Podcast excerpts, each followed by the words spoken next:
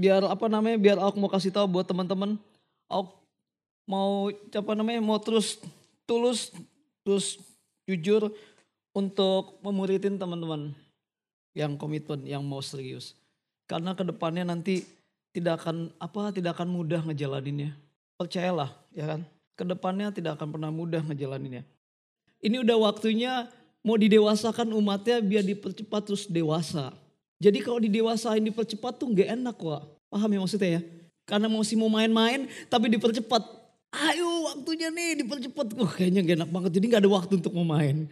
Nah itu yang aku mau mau kasih tahu. Jadi kawan-kawan yang masih mau dimuridkan ya kan. Tetaplah setia. Itu nanti buat lau juga. Terus yang nggak nggak menjalankan ya kan. Maksudnya yang nggak mau uh, apa ikutin yang udah dikasih tahu gitu rule-nya ya harusnya sih kalau lau ada di sini ya harusnya ikutin. Bukan maksudnya bukan supaya lau apa namanya dipaksa untuk saat teduh. Karena memang harus dan mesti wajib. Kenapa ya kalau enggak nanti rugi. Ruginya kenapa ya? Ruginya lau enggak kenal apa yang Tuhan mau inginkan. Bahasanya tadi aku baca di kitab Hosea, terus baca lagi ya kan. Kitab ya saya juga dibilang manusia tuh kadang-kadang maunya ngelakuin sesuai keinginannya, keinginan pribadinya. Nah itu yang akan membuat mereka akhirnya melenceng. Buktiin ya, kalau yang masih kayak kayak begini, lau buktiin pakai keinginan lau, kerjakan. Jangan pakai keinginan Tuhan. Lau buktikan, pasti melenceng jauh. Dan tidak tepat sasaran. Nah kalau lau masih ada di mentorin kayak begini, harusnya mengucap syukur. Paham ya? Mudeng sampai sini? Mengerti ya sampai sini ya? Yuk mari kita mau belajar. Kita lihat yuk. Yeremia 13 ayat 1 sampai 11. Yuk mari kita lihat yuk. Ikat pinggang yang menjadi lapuk. Beginilah firman Tuhan kepadaku.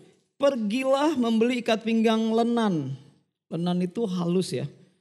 Ikatlah itu pada pinggangmu tetapi jangan kau celupkan dalam air Terus ayat 2, maka aku akan membeli maka aku membeli ikat pinggang seperti yang difirmankan Tuhan lalu mengikatkannya pada pinggangku. Yuk mari kita lihat sama-sama yuk. Nabi Yeremia, Nabi Yeremia itu dipakai Tuhan ya kan uh, dipanggil Tuhan itu sekitar umurnya ya kan kurang 20 tahun.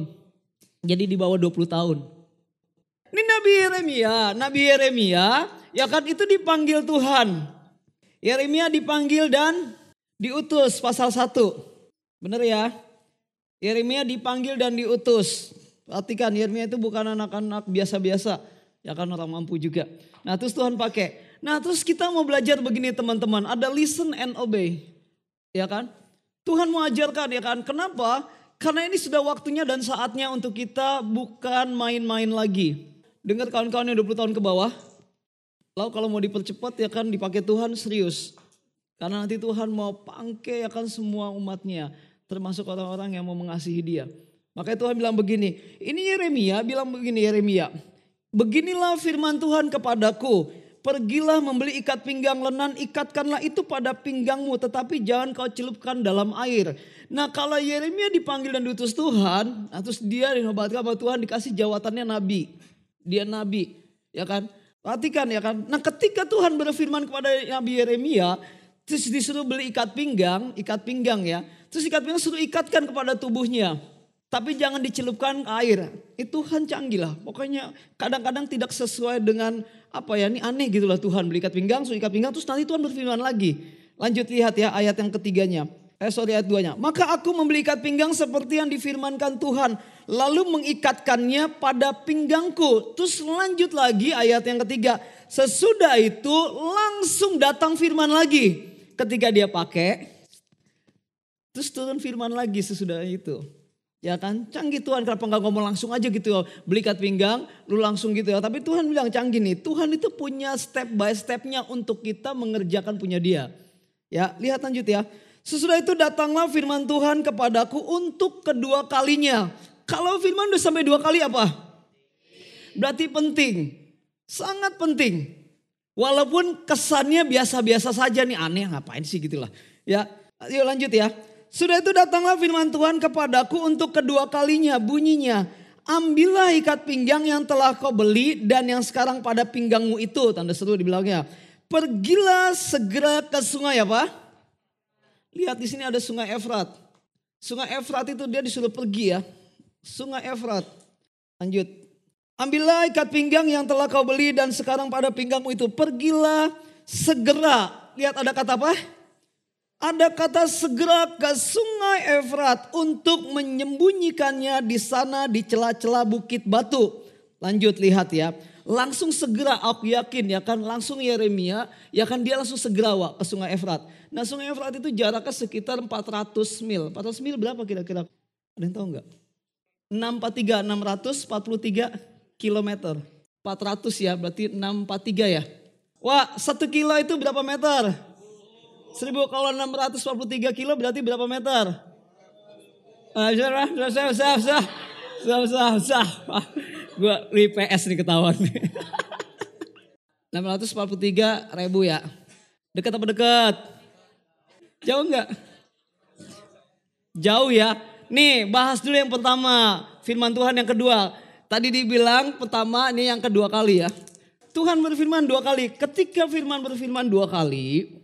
Latin. Yang pertama dia kan udah lulus ya. Pertama suruh beli ikat pinggang ya. Terus dia langsung beli pakai. Ayatnya bilang gitu. Yang kedua, ya kan disuruh pergi ke sungai Efrat. Pokoknya aneh deh pokoknya. Ya, disuruh pergi ke sungai Efrat terus pakai ya kan terus pergi jaraknya sekitar 643 ribu meter, Wak. Atau 643 kilometer. Nah ini kan jauh ya jaraknya ya. Jauh nggak? Ya kan? Wah, lalu mesti masuk ke dalam kalau baca firman Alkitab mesti masuk ke dalam. Jadi lau tahu, lau ada di situ. Seandainya lu jadi Nabi Yeremia, lu berangkat dari sini ke Cempaka Putih 15 km. Bayangin, ya kan nggak ada ojek, nggak ada gojek, nggak ada usaha, tapi lu mesti jalan. Lu mesti mikir, jangan ketawa. Karena ini pesannya dua kali, wah sampai dua kali disuruh pergi ke Sungai Efrat. Jarak itu jauh cuy. Lau dulu disuruh bangun tidur pagi atau siang atau apa gitu suruh bangun suruh sama aku ayo ngobrol sama aku saat teduh. Itu aja lu udah males apalagi suruh jalan segini cuy.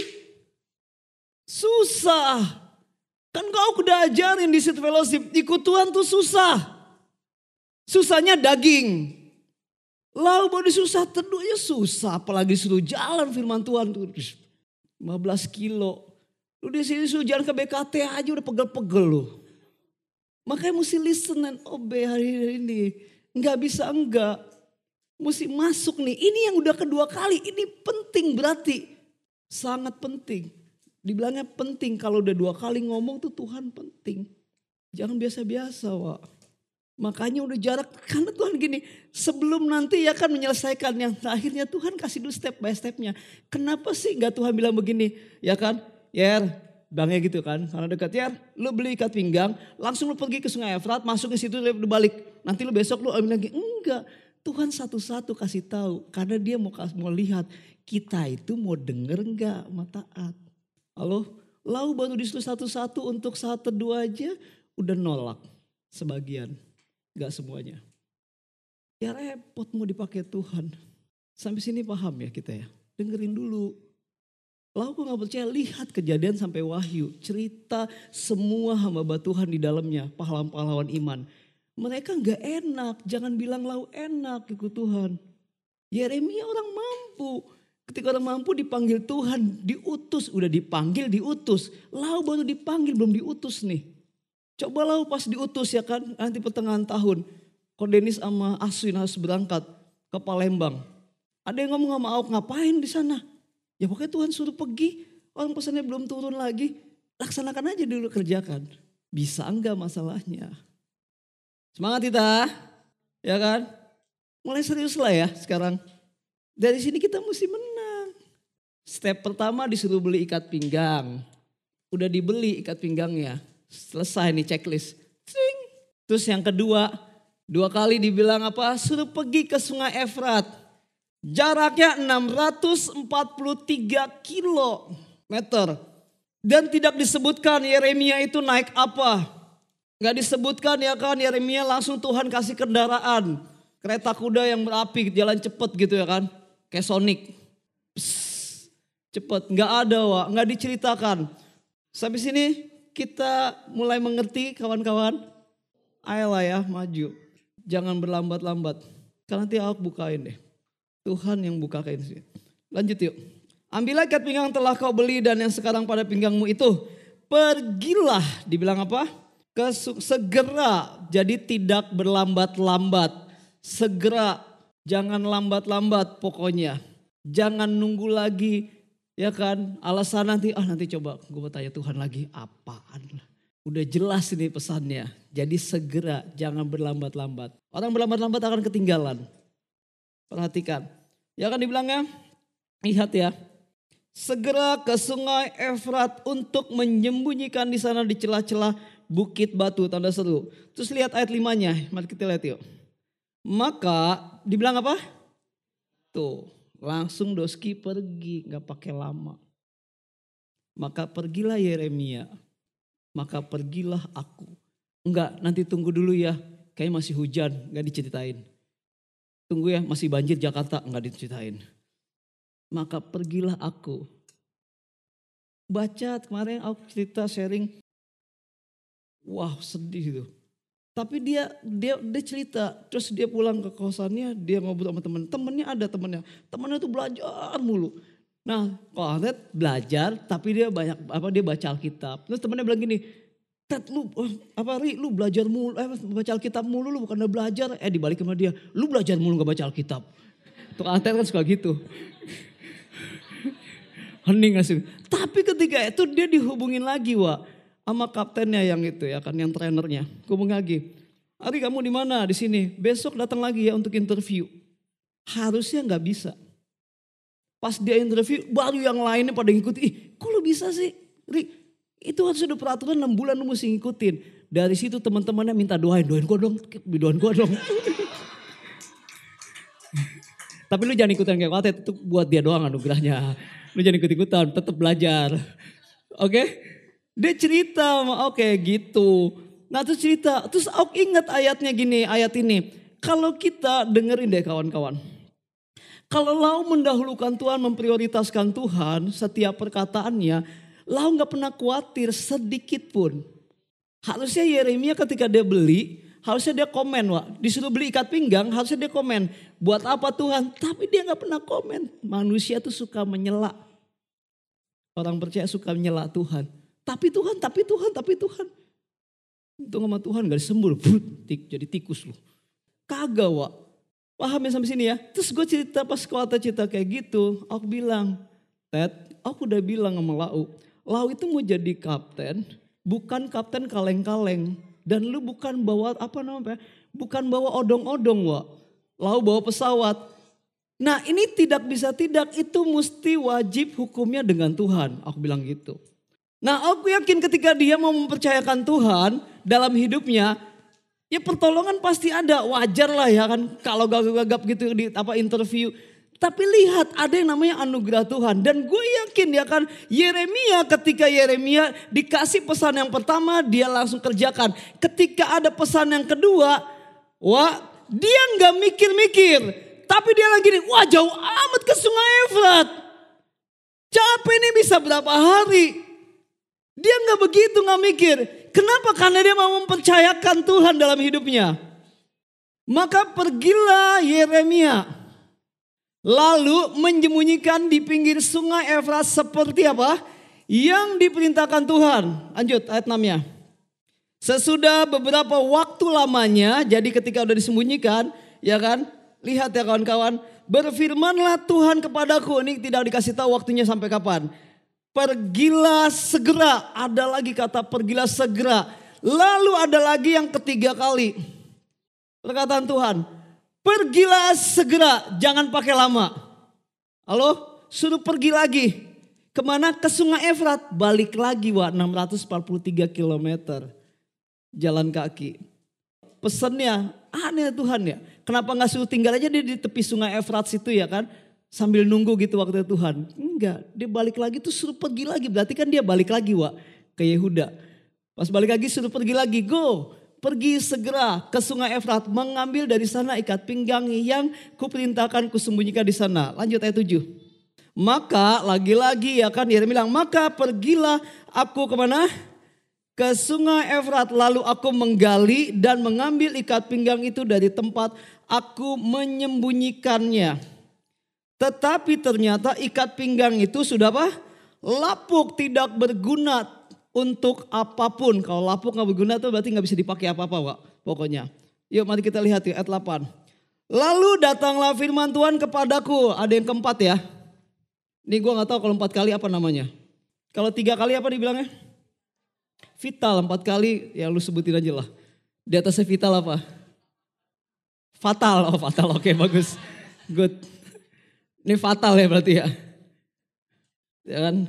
Nanti kalau udah kelima kali mati total. ya, matot langsung. Yuk kita lihat yuk. Lalu datanglah firman Tuhan kepadaku. Beginilah firman Tuhan. Wah tolong perhatikan. Hai yang di belakang juga perhatikan. Para leadernya. Beginilah firman Tuhan, demikianlah aku akan apa? Menghapuskan kecongkak bongakan Yehuda dan Yerusalem. Congkak bongak tuh apa ya? Kalau congkak tuh angku. Kalau udah bongakan apa tuh? Angku-angkuhan. Semua amat gitu ya. apa tuh ya? congkak bongakan? Bahasa Indonesia memang keren nih bahasanya dia kan. Ya kan? Bongak itu apa ya bongak ya? sombong amat lah gitu ya. Pokoknya sombong-sombong sombong amat gitu. Pokoknya ya kan? Begini firman Tuhan, demikianlah ketika pesan yang ini berarti tadi fatal lau tadi udah sepakatin. Fatal yang empat ya berarti ya. Fatal ya. Nah yang keempat firmannya bilang begini, demikianlah aku akan menghapus. Kalau menghapus apa ya? Dihilangin bahasa gitu. Gua hilangin bukan bersih lagi, gua hilangin hapus. Kalau bersih ada yang kotor masih ada tersisa kotornya doang dibersihin. Ini dihapusin pokoknya lah. Ya kan menghapuskan kecongak bongakan Yehuda dan Yerusalem. Terus kenapa Yehuda wa? Ya kan dan Yerusalem sombong. Nah ini zamannya nama Nabi Yeremia ini zaman Raja Yoyakin nggak salah. Zaman Raja Yoyakin. Nah zaman Raja Yoyakin ini perhatikan kawan-kawan. Mereka bangsa Israel, eh, Yehuda ini dan Yerusalem, Yehuda nih ya karena Israel itu mereka berbalik lagi ke Allah-Allah kecil ke nabi ke Baal-Baal. Mereka balik lagi, ada penyembahan berhala lah, apa misalnya mereka balik lagi akan ngikutin daerah sampingnya. Halo? Ya. Nah, ketika ini akan langsung muncul lah ya kan Nabi Yeremia sebenarnya untuk menghapus yang ini. Menghapus kecongkak bonga kesombongannya. Satu pertama, ya kan orang Yehuda Israel itu ngandalin tentaranya. Nanti kalau lau baca Yeremia, ngandalin tentara bukan ngandalin Tuhan. Kedua, ya kan mereka mengembalikan berhala-berhala. Kita sudah belajar tentang berhala. Ya, nah ini mengembalikan lagi ya kan di zaman ini. Makanya Tuhan ingin menghapuskan untuk menghilangin yang ini, Wak. Kecongak bongan kesombongannya yang benar-benar sombong banget. Nah dikirimlah Nabi Yeremia Terus apa yang maksud Tuhan gini loh, ya kan? Kenapa Tuhan bilang ikat pinggang? Ikat pinggang kita sudah belajar. Zaman itu bajunya semuanya bentuknya daster. Semua zaman itu bentuknya daster. Nah kalau daster itu jalan sampai di bawah, lu gak akan pernah bisa lari cepet. Atau tidak bisa ngapa ngapain, susah bergeraknya. Kecuali daster lu gombol gitu wak. Ya kan? Nah tapi ini ketika daster itu gini, daster itu diangkat sampai atas sampai segini wak. Itu langsung diikat. Mesti diikat kenceng. Nah ini mesti diikat kencang, benar-benar ikat kencang melalui kebenaran. Benar-benar ikatnya kencang. Supaya apa? Pertama, kalau orang itu punya kebenaran yang kuat, dia akan berlarinya sangat cepat dan pasti dipakai Tuhan. Nah di sini fatalnya Yehuda dan Yerusalem, mereka sudah tidak lagi pegang kebenarannya. Sudah kompromi. Nanti aja lah satu dunia lah. Baca aja ntar aja lah. Ada yang gitu, besok masih bisa. Ah, nanti aja lah, tunggu-tunggu lah. Denger-dengerin hal yang rohani nanti tunggu lah. Kayak gitu. Tapi kalau lau belajar, maaf ya yang suka belajar. Kau suka belajar, belajar sampai gila-gilaan tahu. Pas tamat juga lulus kerja apa juga gak jadi bupati. Nanti kerja ikut orang tua. Minta uang bokap bikin usaha. Kalau lau kerja keras gini mesti jadilah. Paham ya? Gak mungkin Yeremia ikut sama Tuhan juga. Nggak kan jor-joran men. Makanya Tuhan panggil dia untuk selamatin bangsa Yehuda. Nanti aku kasih tahu sungai Efrat itu apa Wak. Tuhan ajarin. Gak tahu nanti akan dibawa ke Yeremia 25 nanti Wak. Ngeri. Aku ngeri banget pas baca ini. Kenapa? Ini yang terjadi. Makanya lau udah kalau dipercayain sama leader sama siapa pun aja. Udah ikutin aja dulu. Ada step yang pertama saat teduh. Kalau lau nggak lulus di saat teduhnya step yang pertama. Yang keduanya nggak akan pernah bisa disampaikan. Apalagi yang ketiga, keempat. Wah susah. Harusnya Tuhan terus berfirman sama kita. Tapi yang keempat bukan ngomongin tentang gue mau hapusin. Harus ada hal-hal pekerjaan Tuhan yang besar yang akan disampaikan buat kita. Halo, semangat sampai sini teman-teman. Mesti listen ya kan, mesti dengar. Dan bahasanya ya patuhlah. Taat aja gitu, dengerin. Jangan merasa gue bisa, merasa gue punya uang, masa gue maaf yang kerja kerjaan gue bagus. Wah kadilan apaan gak punya apa-apa. Iya gue gak punya apa-apa. Tapi gue punya Yesus yang ada apa-apanya. Pas lu denger gitu tobat. Oh iya ya gitu. Kan responnya beda. Paham sampai sini teman-teman? Mau menangkap kita? Kita mau punya Yesus yang punya apa, punya banyak hal. Kenapa Yehuda sama Yerusalem itu mau dihilangkan, dihapuskan, Wak? Karena budget rohaninya udah bobrok. Kalau udah budget rohaninya bobrok, Tuhan mau nolong gimana lagi? Tapi ada ayatnya lagi nanti di bawahnya lagi bahwa Tuhan akan memulihkan. Karena dia dia Tuhan itu Tuhan yang setia dan sayang. Cuman masalah begini, kapan lau mau berbalik?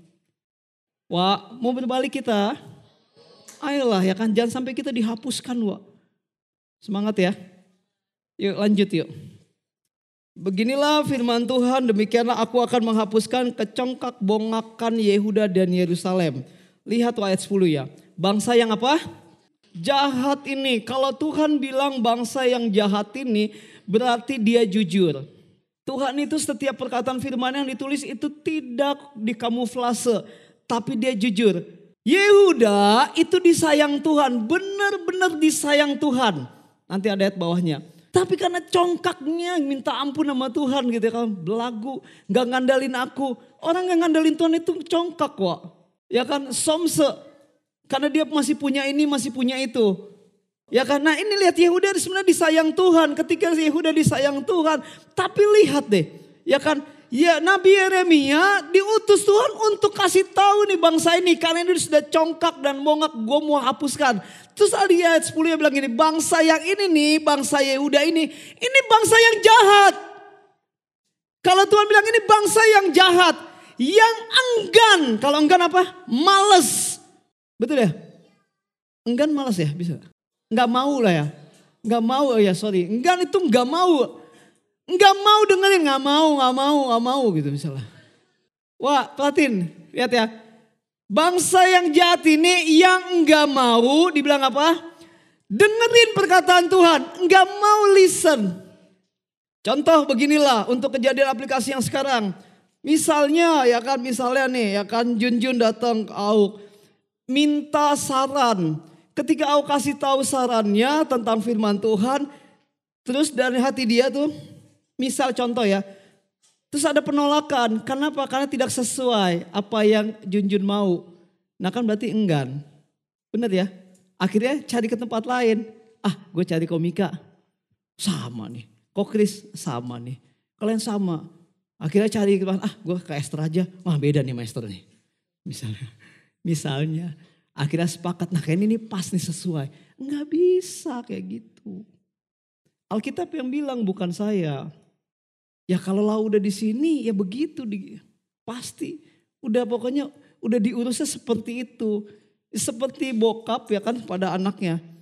Seperti Yesus tuh bapak kepada anaknya, anak yang dikasihnya namanya Yehuda. Enggak dengerin perkataan orang tuanya, enggak mau dengerin. Tuhan langsung bilang bangsa ini jahat. Kalau Tuhan bilang kamu jahat, ya berarti jujur Tuhan bilang kamu jahat. Paham ya sampai sini ya? Halo, biar kita bukan jadi bangsa yang jahat, orang-orang yang jahat, manusia yang jahat. nggak mau dengerin perkataan Tuhan dibilangnya jahat loh. Baru suruh dengerin, belum disuruh ngelakuin. Ya kan? Dengerin ya, nih A, firmanku. Nggak mau dengerin. Dasar memang jahat. Bener nggak Kak Denis? Kayak gitu ya kali ya. Belum lakukan nih, baru suruh dengerin aja udah dibilang jahat. Pagi ngelakuin, lebih parah, parah lagi kan. Praktekin. Baru suruh dengerin aja lu nggak mau dengerin. Ya udah. Karena ini firman yang hidup, Wak. Ya kan? Ketika disampaikan ini firman hidup, bukan firman-firman kaleng-kaleng kok. Ya kan ini sebentar lagi ya kan tanggal 25 April. Ya, terus aku kemarin ngobrol sama Cisevi, Cisevi ngobrol kasih tahu sebentar lagi pasca. Mari kita naikkan apa doa sama-sama selama seminggu, tujuh hari. Untuk menggalikan pasca. Pasca itu mengingat kita keluar dari perbudakan. Bukan Natal. Aku juga pribadi ya kan, Tuhan saya tidak mau diperbudak Tuhan. Dengan keinginan-keinginan, hawa nafsu, apa aku nggak mau. Aku mau terus belajar Pasca itu mengembalikan, biar kita tahu bahwa kita pernah keluar dari perbudakan. Dulu kita semuanya orang-orang terikat. Halo? Tapi ketika ada kebenaran, ketika terima kebenaran, kita dimerdekakan. Makanya mulai dengar. Biar kita menjadi orang yang bebas di dalam Tuhan. Semangat ya. Mereka yang akan bilang, bangsa yang jahat ini yang enggak mendengarkan perkataan-perkataanku. Yang dibilang apa? Kedegilan hatinya. Kalau degil apa ya? Degil hatinya. Keras. Yang udah keras hatinya. Nah susah.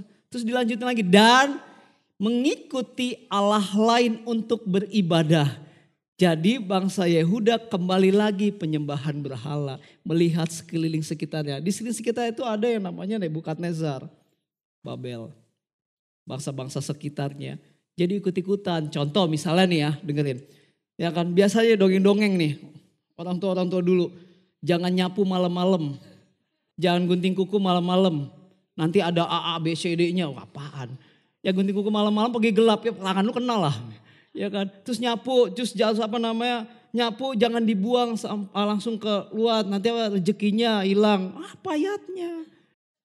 Paulus bilang dongeng-dongeng isapan-isapan jempol itu. Terus dibilang tidur, palanya jangan depan pintu, nanti pemali. Wah, apa coba nggak ada ayatnya. Ya. Sekalian aja panggil Bu Mali. Ya kan? Iya. Ada yang kayak gitu ya, terus beli rumah jangan tusuk sate. Kenapa? Nanti tukang sate ada di situ.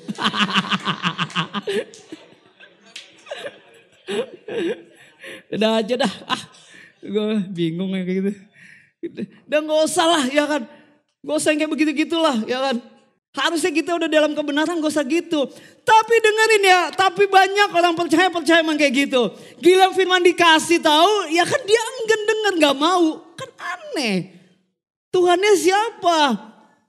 Gila ya kan kayak gitu. Tapi dengerin yang kayak begitu. Ada nih Jordan lagi kita ngobrol ya. Orang nih kayak Alfa nih, bewokan. Jangan katanya. Kotor, kenapa kotor? Satu, ya kan. Itu berarti ngedoain orang tua cepat mati katanya. Mana ayatnya? Halo semangat sampai sini. Ya yuk lihat yuk. Yang mengikuti kedegilan hatinya. Berarti kalau mengikuti kedegilan hatinya ya yang mengikuti ya pokoknya mengikuti gimana sih? Yang keras gitu ya. Dia mengeraskan hatinya jadi ya udah diikutin terus yang keras hatinya diikuti itu. Ya susah. Harus ditinggalin bahasa gitu. Yang keras hati mesti tinggalin. Biar gak keras hati. Kalau masih mengikuti keras hati susah. Aku kasih tahu kayak gini bukan mau gimana-gimana wah. Latin ya. Kita punya semua kita punya yang namanya perlombaan iman. Nah kita mesti menang karena Tuhan kita sudah menang. Tadi aku baca tentang Getsemani. Tuhan sampai tiga kali berdoa. Doa yang pertama bilang begini. Jikalau mungkin. Pertama tuh masalah. Ya kan? Dibilang begitu kalau jika mungkin berarti dia masih pakai keinginannya dia gini mungkin aja bisa gitu, bisa bisa diganti gitu waktu.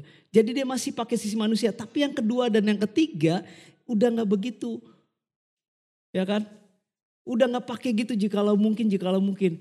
Pokoknya ya terserah Tuhan lah bahasanya begitu. Langsung cepet dia berserah total sama Tuhan. Yesus lagi kasih tahu. Tapi ketika Petrus, ya kan yang ketika dia menyangkal Yesus, oh Ditanya, eh ini kamu teriak, oh bukan. Satu, dua kali, tiga, dua kali sampai dua kali bukan, sampai tiga kali langsung lah. Ya kan genap ayatnya. Masih keras ngikutin. Udah kita jangan begitu. Halo.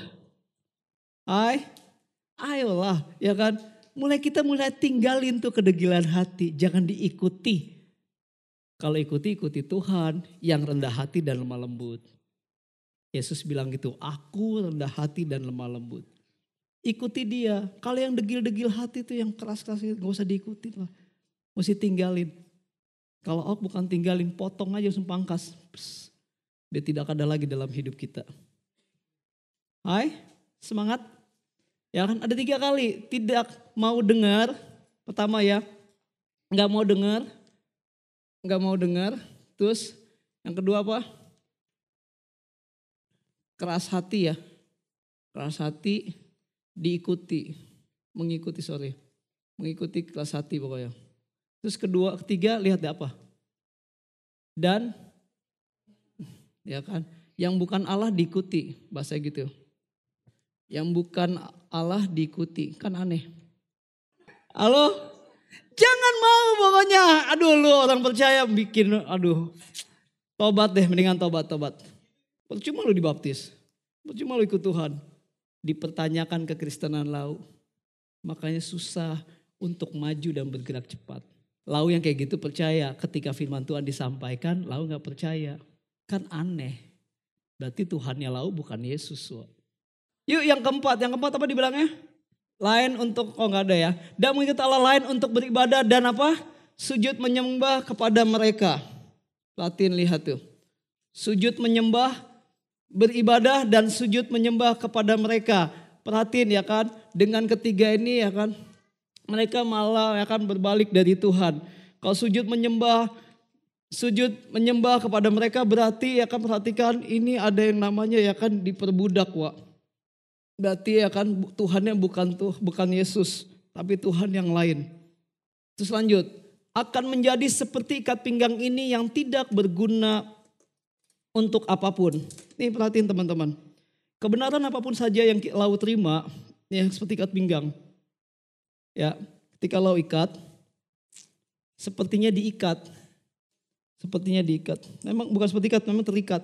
Tapi maaf, ada kebenaran di dalam kita nih.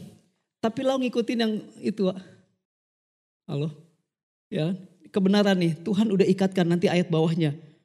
Udah diikatkan kita kebenaran udah pegang nih. Tapi maaf, ketika lo disampaikan firman Tuhan, lo nggak mau dengar, lapuk. Terus lu ngikutin degil hati. Maksudnya ngikutin ke keras hati gitu. Apa sampai begitu ya kebenaran, lo tetap keras hati. Udah ini jalannya gue pokoknya ah gue mau begini. Ini mulai lapuk wak. Yang ketiga, pasti kalau udah sampai di sini, wah perhatiin ya. Kalau udah mulai dari sini, keras hati, Pasti dia punya Tuhan-Tuhan kecil dalam hidupnya. Habislah ini semuanya. Jadi lapuk walaupun ada di pinggang lau. Ini lapuk nggak ada gunanya. Padahal itu kebenaran. Seperti bangsa Yehuda. Semangat kita. Kalau nggak berguna untuk apa pun, emang nggak berguna. Bahasanya Auk, ya loser lah. Ya nggak berguna. Ayo semangat, mulai cari Tuhan. Mulai percaya sama dia. Mulai berbalik. Enak nanti Wak. Tadi aku baca lagi satu ya kan. Ada statementnya si Plato. Tahu Plato ya? Yang sekolah pasti tahu lah ya. Plato bilang gini, tubuh ini jahat. Tubuh ini jahat. Jadi kata Plato, saya mesti berjuang keras untuk tubuh ini tidak jadi jahat. Itu Plato bilang gitu. Lau gak bakalan kuat. Termasuk aku. Jadi kita mesti di sini dengerin. Walaupun lau udah kebenaran, Pe. Walaupun kamu ada kebenaran, Helsa oh ini ada kebenaran. Tapi kalau lah udah nggak mau dengar di situ, jadi lapuk, nggak berguna. Sayang wah, padahal Tuhan serius sama kita. Gak percaya nanti lihat bawahnya ayatnya deh. Yuk lanjut. Sebab seperti ikat pinggang melekat pada pinggang seseorang. Ya, dan segenap kaum Yehuda ku apa dibilang? Ku lekatkan. Jadi bukan kita yang melekat sama Tuhan, tapi Tuhan yang melekatkannya. Ya kan gini, kita mau dilekatkan sama Tuhan. Kan berarti bukannya prosesnya kita yang kita mau melekat sama Tuhan. Ah gue mau ikut Tuhan, ah gue melekat. Enggak, tapi Tuhan yang ambil kita mau dilekatkan. Gitu. Tapi maaf, ya kan itu buat Yehuda bukan buat kita. Karena Yehudanya congkak, orang Israel kepala batu bebal, jadilah buat ke bangsa-bangsa lain termasuk kita. Maaf nih, ini yang maaf, ini yang asli Tuhan buang. Nah kita nggak asli. Terus kita nggak mau ikut juga yang kayak gitu. Lu nggak asli, yang asli juga gue buang apa gitu. Lu yang palsu kawe. Gue buang. Nggak berguna. Oh makanya minta satu dua teman-teman. Bukan minta. Udah mulai waktunya dan saatnya. Karena mau dijadikan begini. Dia jadi pemberita-pemberita Injil wah nanti wah. Ke mana pun lau ditempatin.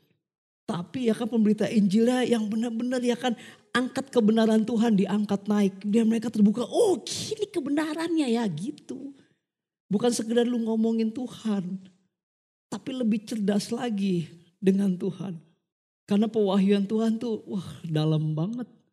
Enggak sedikit gitu. Paham ya? Maka Tuhan bilang ikat pinggang. Seperti sebab seperti ikat pinggang melekat pada pinggang seseorang. Lihat ya. Yuk perhatiin ya.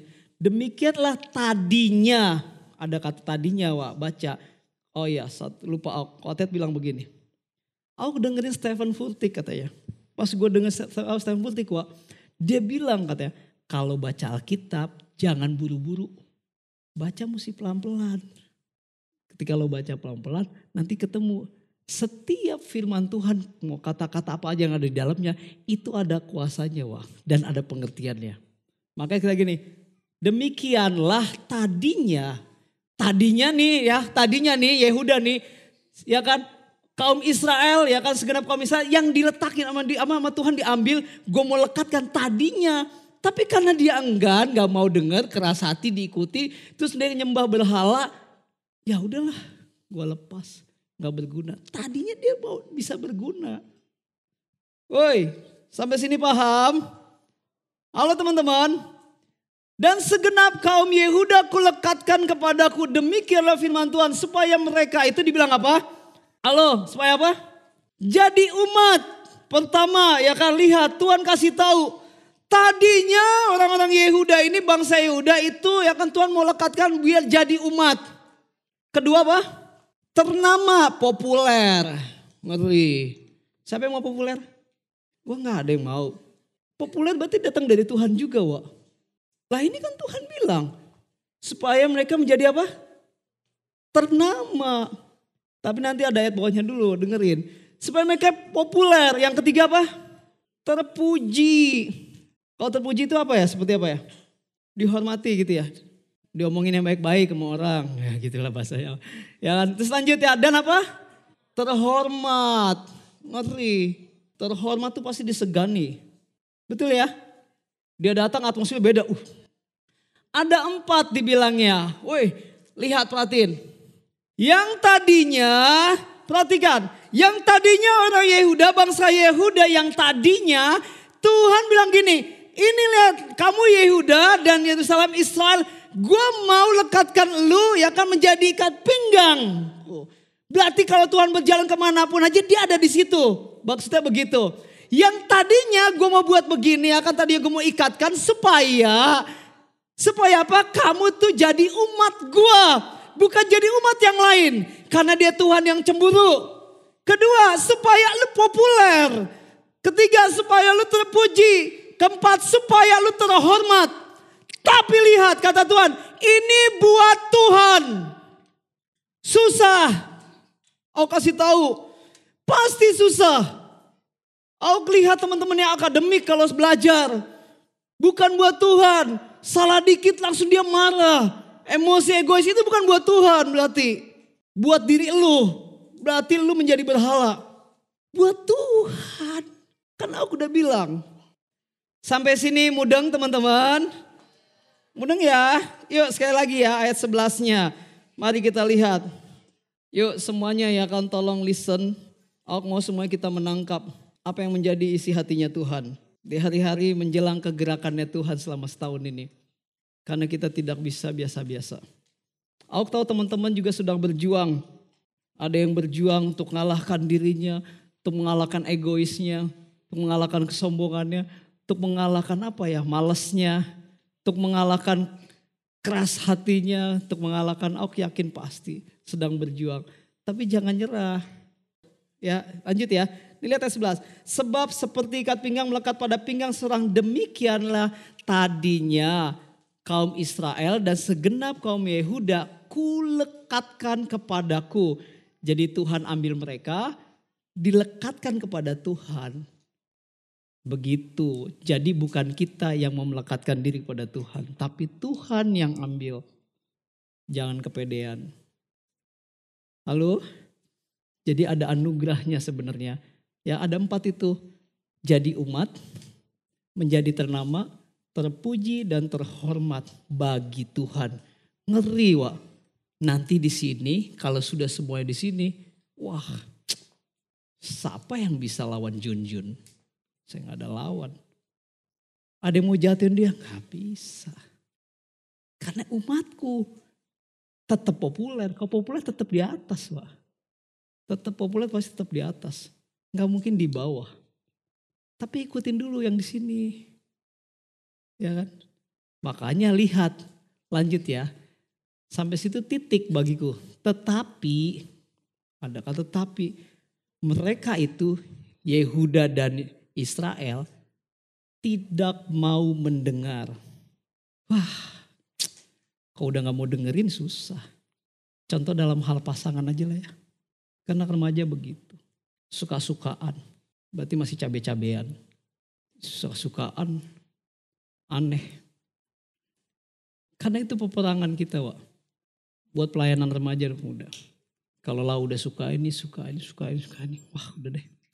Pokoknya kan aku sudah bilang buat teman-teman komitmen. Kenapa? Karena belum waktunya. Yang menikah aja. Makanya bukan aku ngelarang lah untuk pacaran. Bukan waktunya. Lau fokus sama Tuhan. Gak ada. Dengar ya. Lau udah baca kejadian sampai wahyu. Yesus ngomongin pacaran. Baca Musa. Satu juta umat. Ada nggak Musa ngurusin tentang pacaran? Ada. Berarti gak penting. Bro, sampai sini ngerti? Oke? Baca, aku buka kejadian sampai wahyu, aku baca berapa tahun. Kagak ada nyebutin pacaran. Yang nyebutin tunangan, perjanjian baru. Sampai sini ngerti ya? Reva mau tunangan. Tuhan bilang jadi umat, populer, terpuji dan terhormat. Apa ini? Susah ngejar ini, Wak. Karena mesti jadi kebenaran. Diikatkan jalan. Uh. Mau terus dipakai Tuhan?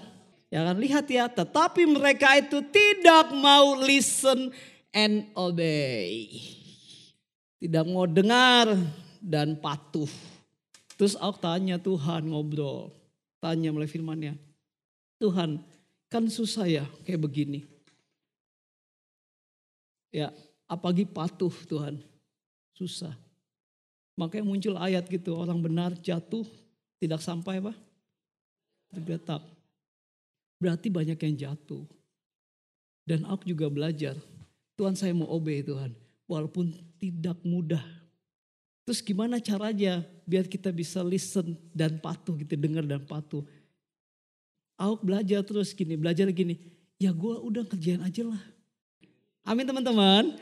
Mau mendengar, Makanya kata Tuhan, ayolah ya kan terakhir dibilang tetapi mereka tidak mau mendengar. Mulai malam hari ini ya kan sama-sama termasuk diri aku, yuk mari kita mulai dengar apa yang mau Tuhan katakan. Setiap pesan Tuhan yang disampaikan, dengerin. Itu janjinya dia dan amin. Kita lihat Yeremia 25 terakhir. Kenapa dia dibawa ke ping, apa namanya suruh sembunyikan di sungai Efrat. Yehuda apa? Akan dibuang ke Babel selama lihat ayat 11-nya, Yeremia 25 ayat 11. Itu Yehuda yang tadinya gue mau buat populer, yang tadinya gue angkat menjadi umatku, yang tadinya gue mau ngasih dia predikat terpuji dan terhormat, tetapi lihat jadi reruntuhan, tandus. Ya kan lihat terus dan bangsa-bangsa ini akan menjadi hamba kepada Raja Babel 70 tahun lamanya. Nah sungai Efrat nggak taunya tadi gue buka buka apa buka peta ini ada di tepi Ya kan? Sungai Prat itu ada tepi ya kan Babel. Babel itu Irak sekarang. Nih ada di Babel, Irak, nggak taunya. Nah tepi, nah ini Yehuda wah. Nggak taunya wah ini dikuasai oleh Babel pokoknya. Nah bangsa Yehuda dengerin.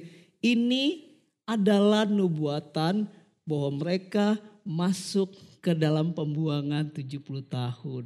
Orang-orang yang gak mau listen dan dengar, dengerin nih.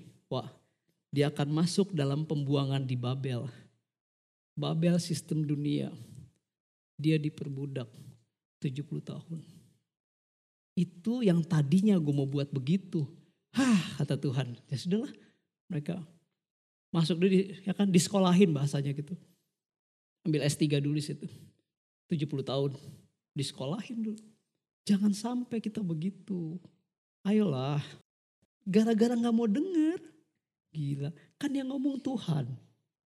Tuhan yang ngatur nafas kita, yang kasih semua kekuatan.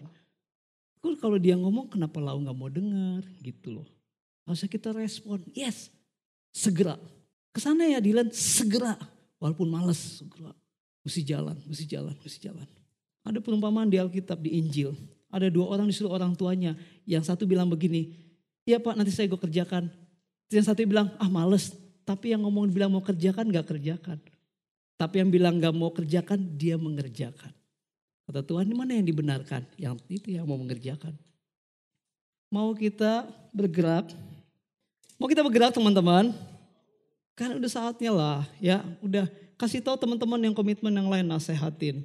Sudah waktunya kita untuk saling menasehatkan satu dengan yang lain. Bukan menggurui. Dan kalau kita sama-sama menasihatkan bukan menggurui, udah terima aja harusnya kalau yang sudah jauh nggak mau dengar, keras hati, yang sudah punya Allah-Allah lain dalam hidupnya dengar, kok dikasih tahu. Gitu aja. Karena buat ke depannya kita. Oke? Dan buat teman-teman juga. Jadi mari kita mulai budget rohani kita dinaikkan terus di up. Sampai Yesus datang kedua kali. Proses itu memang gak enak, tapi lihat hasilnya. Nanti kalau udah ada hasilnya, lau akan nikmatin. Amin ya. Aku tahu lah ya kan, karena udah bilang semua leader juga ngalamin kok. Yuk sama-sama bangkit bilang kiri kanannya. Mari sama-sama bangkit. Paham ya sampai sini ya teman-teman ya. Tetap semangat. Saya minta buat teman-teman semua terus doakan buat United Heart tanggal 25. Tetap semangat teman-teman karena sudah saatnya dan waktunya. Mari kita bergerak Mari ikat pinggang kebenaran terus diikatkan kencang. Jangan dibuat lambat. Ya, biar kita menjadi orang-orang yang Tuhan inginkan yaitu jadi umatnya populer, terpuji dan terhormat. Amin ya.